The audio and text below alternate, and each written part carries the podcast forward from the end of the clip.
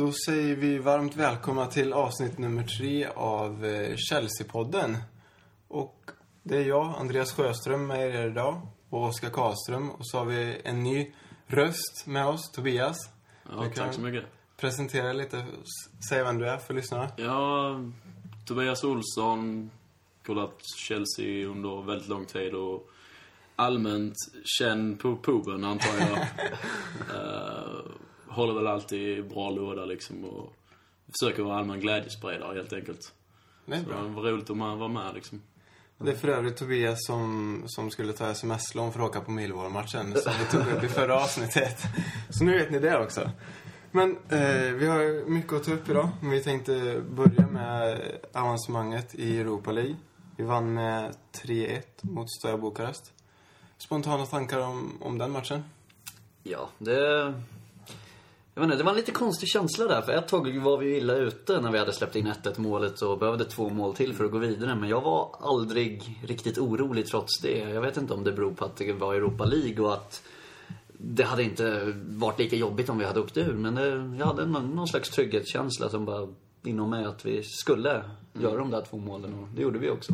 Det var ju en riktig kämparinsats alltså. Det var ju lite Chelsea Hell, Chelsea Heaven liksom. Att eh, det här 1 målet efter, alltså, jävla skitmål egentligen alltså.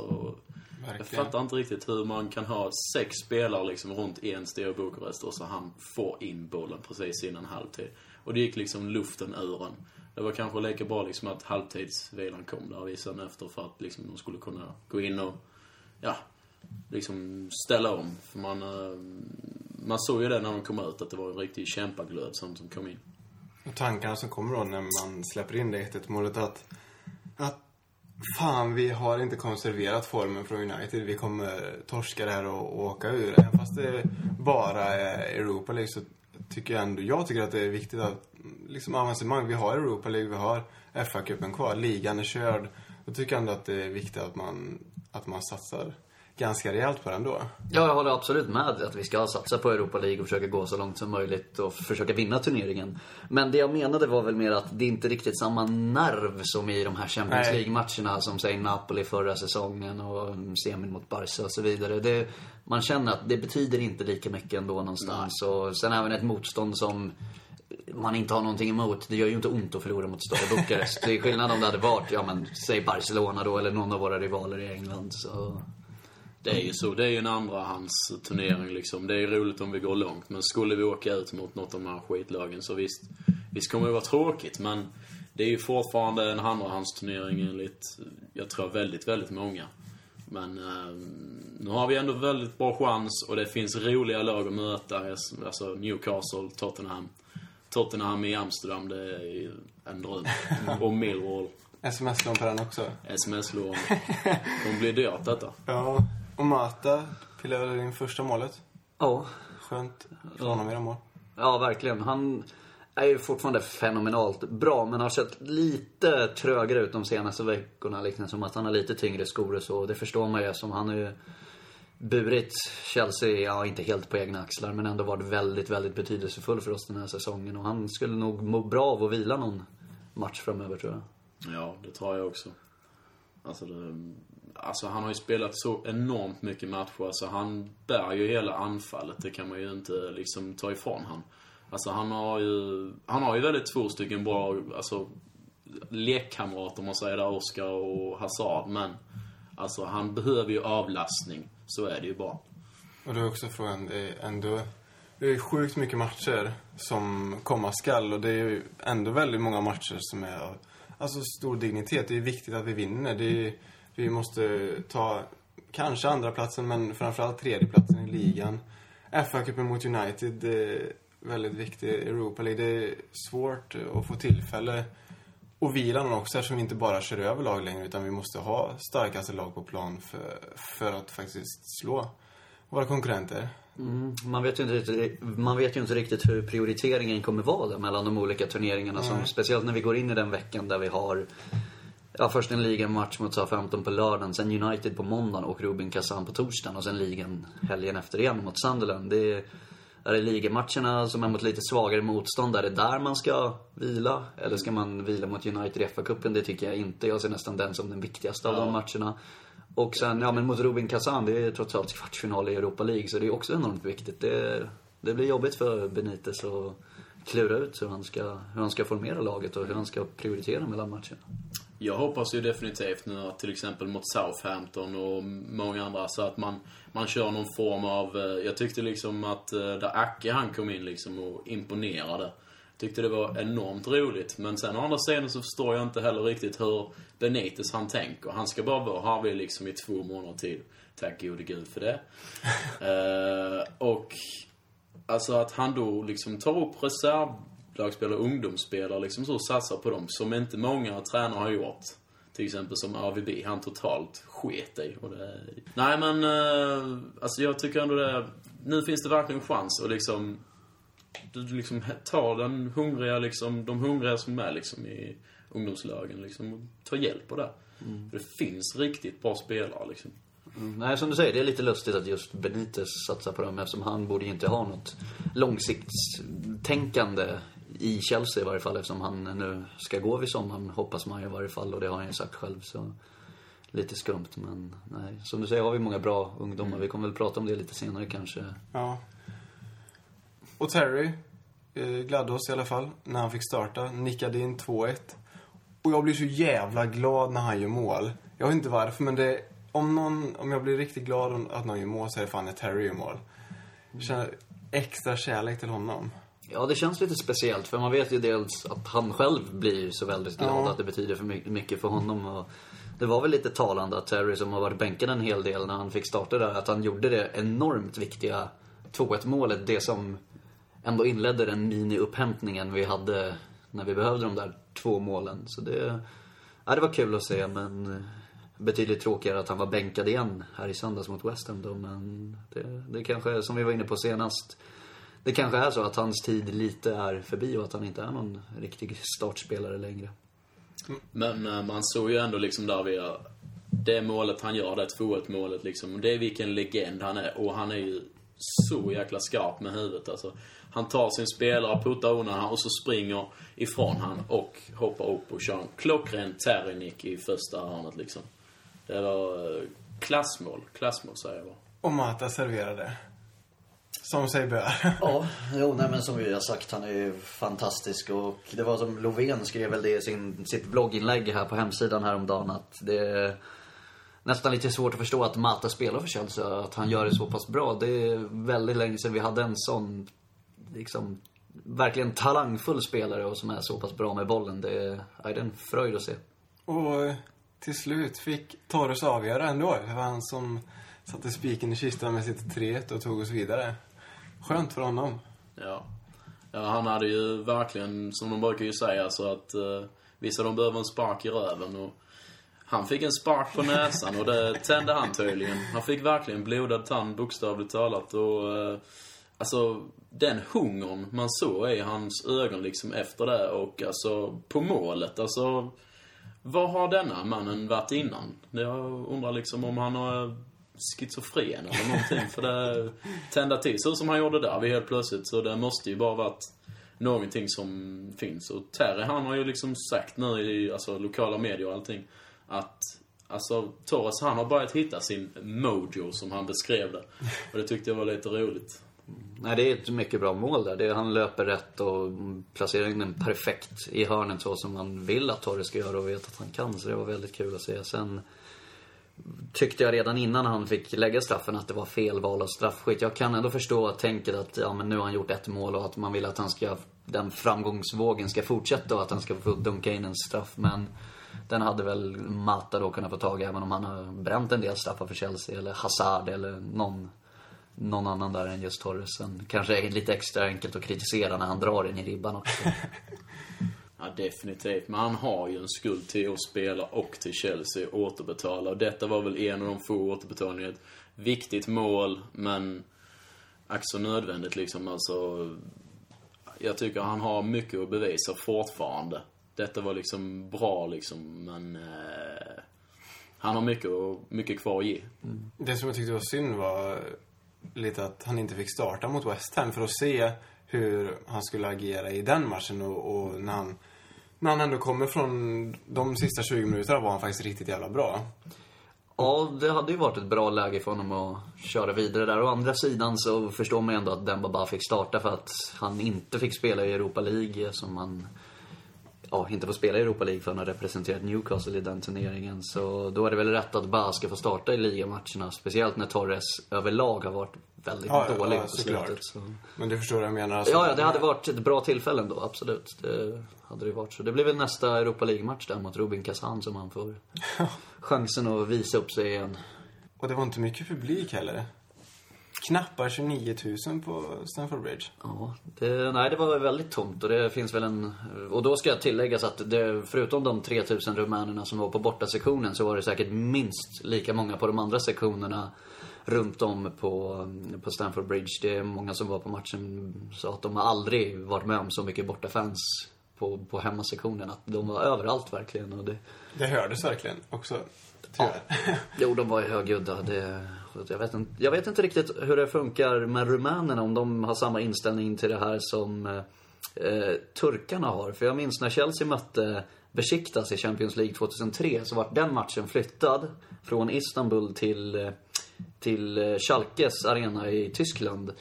För att det var några oroligheter just mellan Turkiet och England om det var att ambassaden hade blivit bombad eller bombhotad eller någonting, den brittiska ambassaden där nere. I varje fall.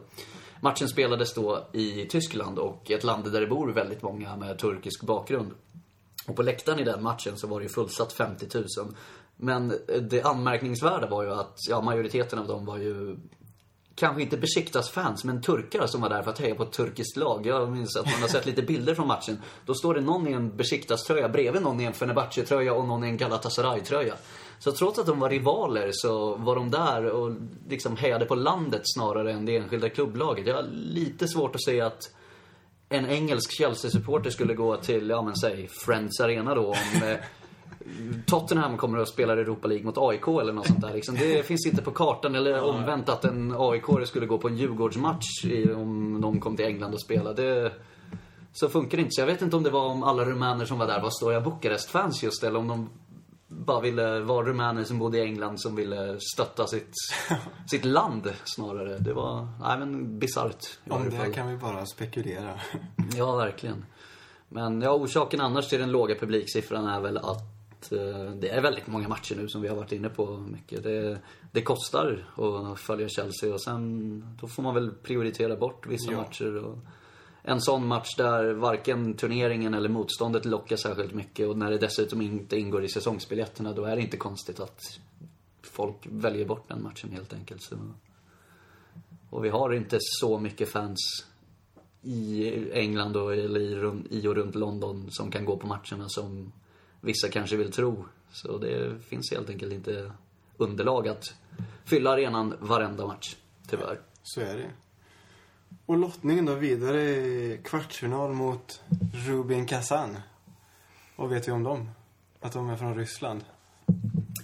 Ja, det är väl ungefär det. Och från Kazan som ligger rätt långt ut, långt österut i den europeiska delen av, av Ryssland. Då. Men de ska eventuellt spela matchen i Moskva ändå. Det har de gjort de tidigare matcherna nu i Europa League under våren. För att eh, deras, de har ingen konstgräsplan där i Kazan så den har inte helt, helt enkelt inte varit spelbar. Men nu eh, ja, ska de bestämma sig nu i veckan för var matchen kommer spelas någonstans. Så det ställer till ytterligare problem för dem, det fåtal Chelsea-supporter som kommer göra resan Till till, Ryssland. Ryssland. Ja. Visum och så här roliga grejer att fixa. Ja, mycket krångel med det där. Det... Och 4 april är den matchen. Det är ju ett tag kvar. Och på hemmaplan, ja. Och sen Ja. borta en vecka senare, elfte där. Och matchen mot West Ham. 2-0. Tobias? Up the Shells. Nej, det var en riktigt, riktigt underhållande match. Och eh, som det alltid är, liksom derby, liksom också få möta vänstra skinkan. Alltså det var ju... Ja, det var, vad ska man säga egentligen? Det var ju... Man hade ju förhoppningar om att, ja, till exempel Lampard då skulle göra mål, vilket han också gjorde. Och vilket mål det var. Men vilken framspelning också av Hazard. Jag tycker att eh, det var många som snackade om att det är 200 mål och sånt, men herregud vilken framspelning tyckte jag det var. Och hela hans match var fenomenal, Hazard. Ja, målet han gjorde var ju riktigt, riktigt fint. Eh, Mycket bra samarbete med Malta där och fantastisk bollbehandling och ett bra avslut. Det var ja, riktigt roligt att se. Jag tycker det var den mest underhållande matchen på, på väldigt länge med Chelsea. Visst, United-matchen här om veckan, den var ju bra för att vi kom tillbaka och hämtade upp underläget. Men det här var ändå, ja, vi vann ju för, först och främst och gjorde det övertygande och spelade bra och spelade fint. Så det var riktigt, riktigt trevligt faktiskt. Det jag kände i den matchen, det var första gången på länge som jag inte var så jävla orolig att vi skulle liksom tappa och förlora eller spela lika. Utan jag kände att det var ganska tryggt ute på planen för en gångs skull. Och att det var inte så mycket, de hade väl två tre men det var ju så många vassa lägen skapade inte West Ham och det var skönt att, att utkräva revansch efter förra matchen när vi förlorade med 3-1, tycker jag. Synd, synd bara att Dembaba inte fick göra mål. Jag tyckte han hade extremt många bra lägen. Ja. Det var det sista lilla som saknades bara.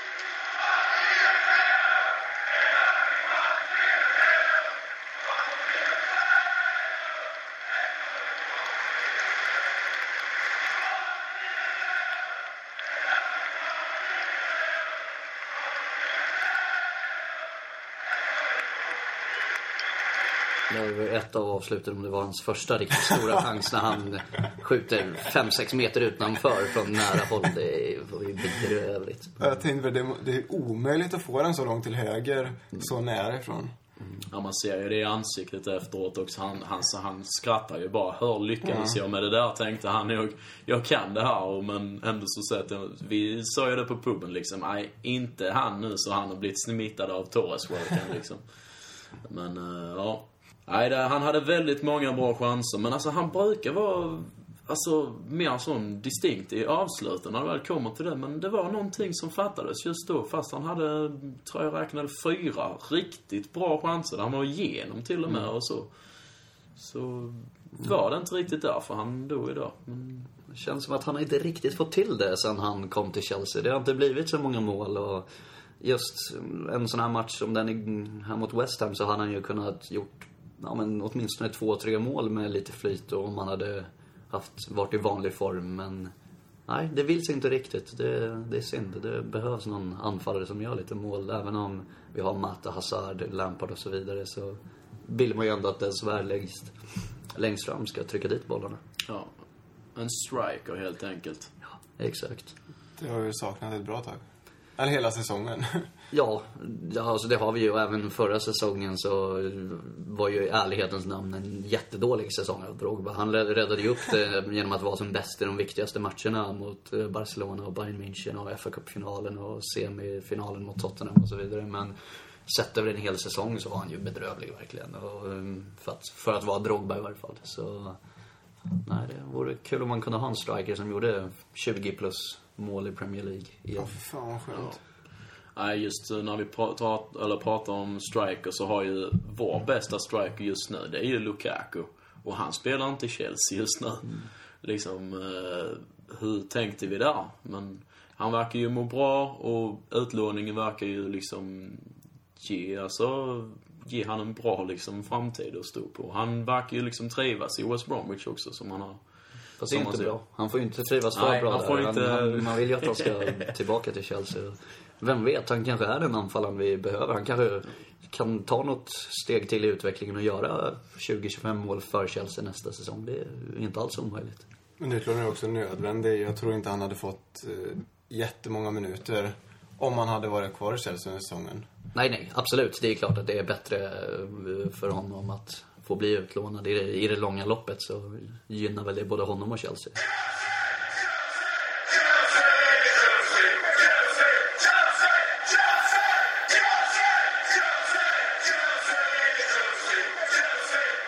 Det som vi också tänkte ta upp lite, frisparksskyttar. Chelsea har ingen riktig frisparksskytt längre. Louise vill väl vara den som är det, men han lyckas inte speciellt ofta, tyvärr. Vem ska, vem ska ta frisparkarna? Ja, alltså... Jag tycker ju att Lampard ska få mer tid nu, alltså just för att han har... Han är ju hungrig nu för sitt, alltså, sitt rekord nu. Men, eh, alltså jag är ju, jag har ju en förkärlek för Matas frisparkar liksom. Det är, Alltså, just från höger till vänster så det, det är perfekt. Och han har ju en sån känslig vänsterfot, så jag tycker verkligen Mata. Definitivt.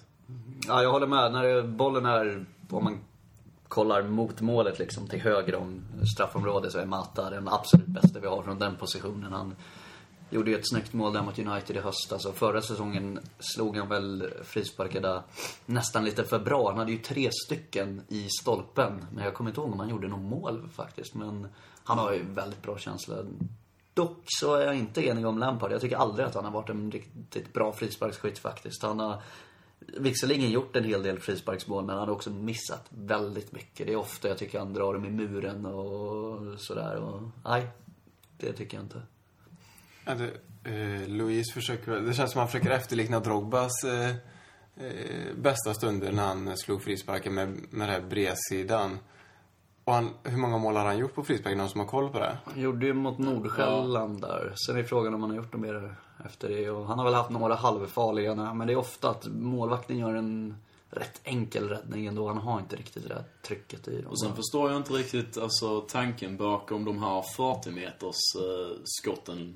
Hur eh, har de tänkt där? Det, det är väldigt, väldigt sällan man ser att det blir sådana mål. Och Chelsea verkar ju ha snöat in sig på de där jäkla skotten.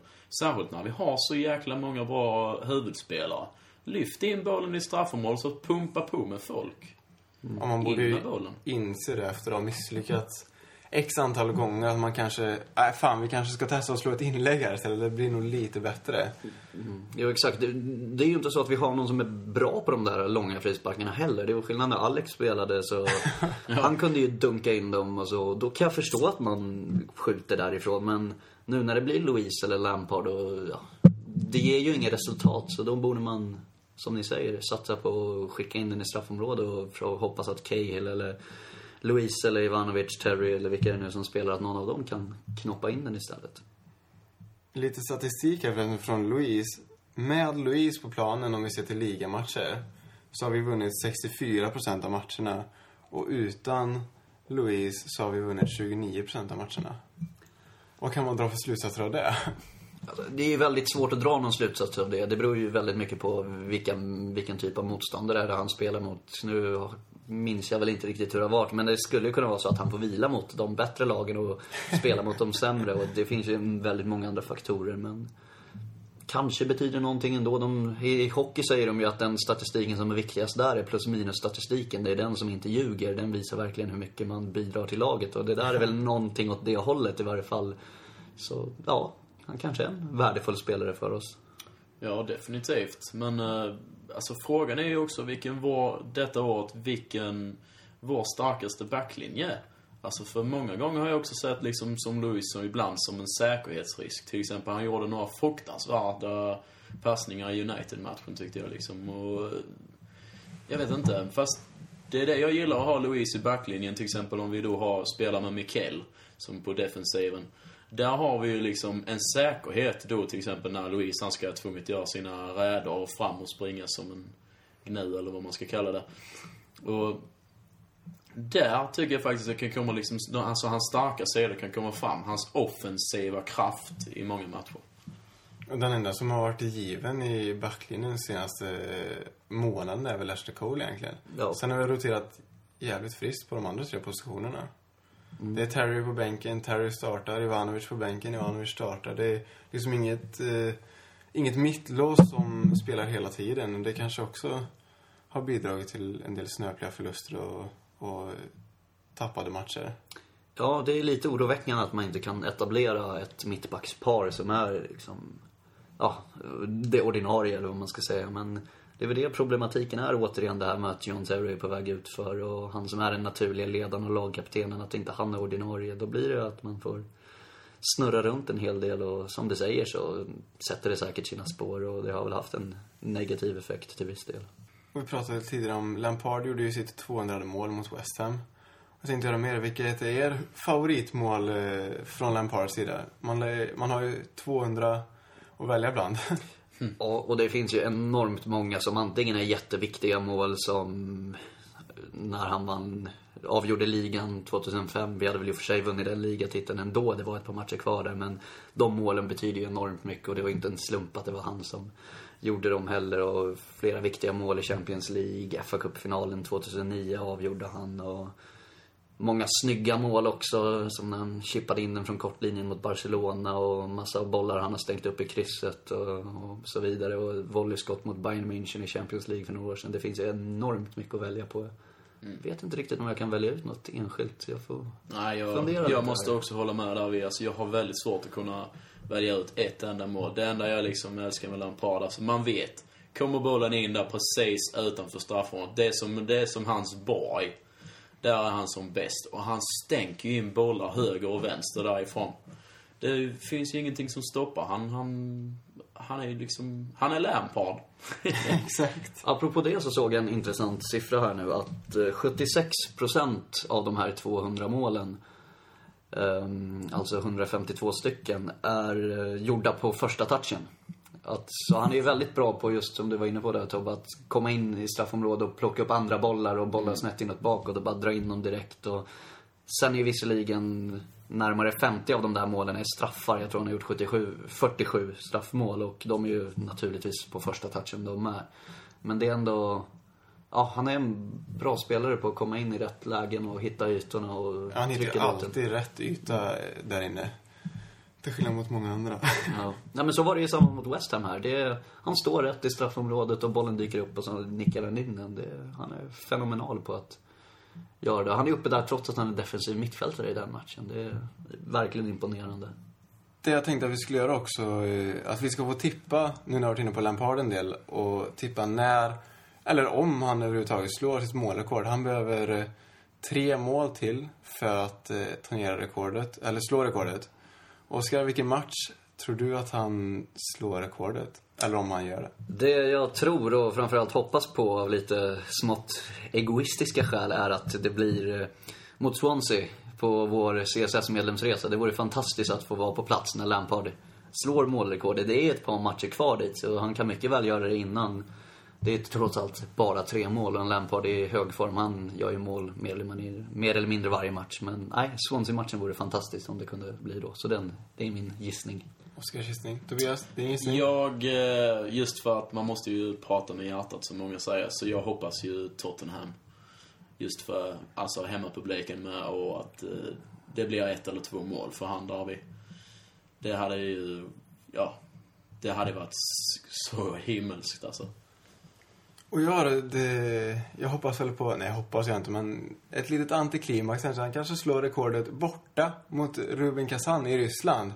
Då lär det inte bli så mycket firande, men det är min gissning. Och då återstår att se vem, vem som har rätt. Vi får väl eh, ge en hundring till den som har rätt, så blir det ännu roligare. Ja, gladeligen gör jag det. det. Jag hoppas bara att han verkligen slår det här rekordet. Ja. Så det är en hundring till vinnaren. Det... Ja, skakar vi hand på det. Ja, nu gör vi det. Och det är inte några matcher på ett tag heller. Det är ett tråkigt jävla landslagsuppehåll igen. De är förbannade landslagsuppehållen. Ja, det är totalt värdelöst. Det är lika jobbigt varje gång man är inne i en liksom rytm där man har oftast två matcher i veckan och sen kommer det liksom en och en halv vecka utan match. Det är ju totalt, totalt värdelöst men ja, så är det. det är inte så mycket råd. Ja, jag kollade ju nu på matcherna alltså, som ska spelas i veckan. Jag tycker ju det är kul att kolla Englands matcher just mycket mer för att, ja, Lampard helt enkelt. Eh, alltså, Montenegro, det är ju en skitmatch. Och Sverige-Irland, visst det är väl roligt vi ska möta Irland, men Chelsea ringar ju så jäkla mycket högre än landslagscrap. Så, nej. Mitt tips är väl att ni sätter Chelsea-podden på repeat så har ni någonting att göra fram tills, fram tills nästa match där också. Ja, det låter som ett utmärkt, en utmärkt idé. Och våra unga killar slog uh, Juventus igår med 4-1. Uh, eh, Next Generation heter det, om jag har fattat det rätt. Stämmer bra. Det är en slags Champions League för uh, ungdomslag. U19-lag kan man säga att det är. Så det och vi är ju i semifinal nu tack vare den där vinsten mot Juventus. Och det vore rätt coolt om vi är titelhållare både i Champions League och ungdoms-Champions League samtidigt. Vilket vi kan bli för det är semifinaler, bronsmatch och final. i Como i Italien över påskhelgen. Så då kommer våra grabbar åka dit och försöka plocka hem den titeln. Och det vore väldigt roligt och kul för framtiden om vi kunde vinna den. Och även där kan våra ungdomar få möta Tottenham i finalen, är ju värt att tilläggas. Och eh, vilken match de gjorde mot Juventus. Alltså, det var väldigt underhållande och vilken akademi vi har. Alltså, om de bara kan ta det här steget fram till A-laget. Vi har så många bra alltså, ynglingar, så det, det är väldigt underhållande att kolla på dem. Var det någon som, jag såg inte matchen tyvärr, men var det någon som man kände jävlar, som stack ut riktigt ordentligt?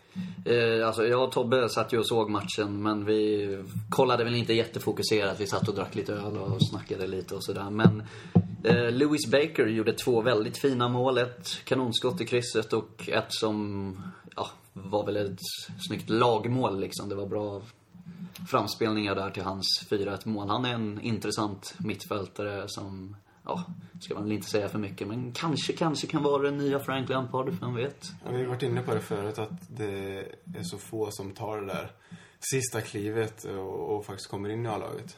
Men jag tänkte på det, spelade Nathan någonting?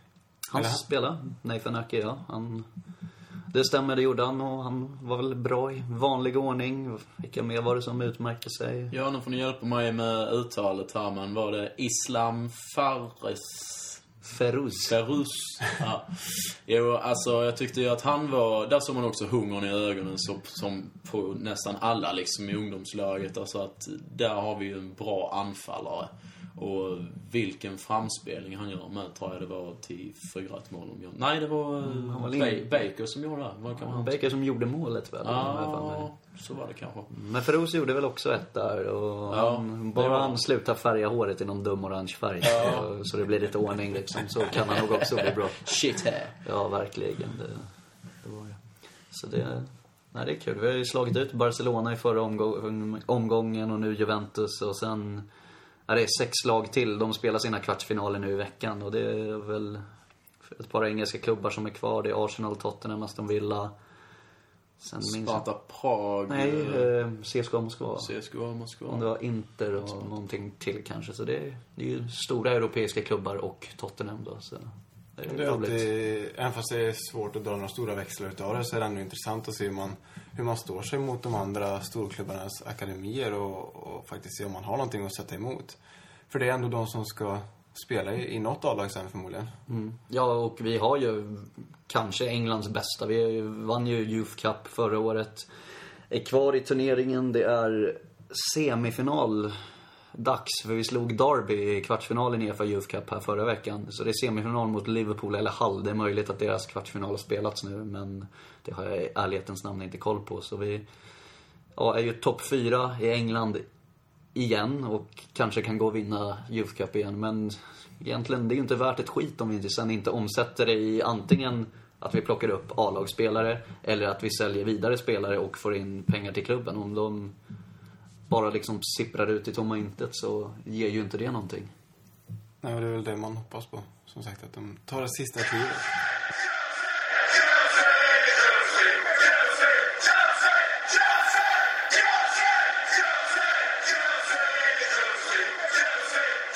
Eftersom vi har en ny gäst med oss här idag så eh, kommer jag ha ett inslag idag som heter Tobes drömmar där han ska få berätta om hur han vill att de närmsta månaderna ska se ut eh, för Chelsea. Ja, alltså min stora dröm nu alltså det är i stort sett bara att vi slår ut United, vi slår ut City och vi får Millwall i fa Cup-finalen på Wembley. Och att vi vinner det. Skulle ju vara en av mina stora drömmar. Samtidigt så vill jag också att tänk att vi har fortfarande Tottenham är kvar i, i Europa League och att vi skulle kunna få dem i Holland skulle också vara en av mina stora drömmar. Att eh, vi slår ut dem samtidigt om att eh, Roman kommer ner och säger 'Never again' och sparkar det här jävla aset. Och det var alltså Tobes drömmar lite kort. Och vi är klara för idag med det tredje avsnittet av Chelsea-podden. Och vi vill verkligen tacka för att så många har hört av sig med, med kritik och eh, positiva reaktioner. Och eh, nästa vecka så kommer vi ha ett specialavsnitt med tanke på att det inte är några matcher att eh, faktiskt prata om. Där vi kommer ha lite andra profiler med som varit på väldigt många Chelsea-matcher. Och då tänkte vi att är det någon där ute som aldrig har varit på en Chelsea-match eller som har allmänna frågor kring att åka på Chelsea så hör gärna av er så kommer vi ta upp det i, i nästa avsnitt. Och som vanligt så hittar ni oss på Twitter. Chelsea-podden heter vi där. Facebook, samma sak där. Chelsea-podden. Och hör gärna av er på mail om, det, om ni har något längre resonemang. Där heter vi Chelseapodden gmail.com. Och så får vi väl tacka för att ni har lyssnat. Andreas Sjöström heter jag. Oskar här tackar också så mycket. Det har varit lika trevligt som vanligt. Och jag uppmanar er att alla typer av frågor som gäller att åka på matcher med Chelsea och i synnerhet bortamatcher får ni gärna skicka in. För vi kommer ha en kunnig panel nästa vecka. Och jag som har varit med heter Tobias Olsson och tack för att ni lyssnar. Tack. Ha det gött. Hej hej. Hej hej. Up to Chelsea.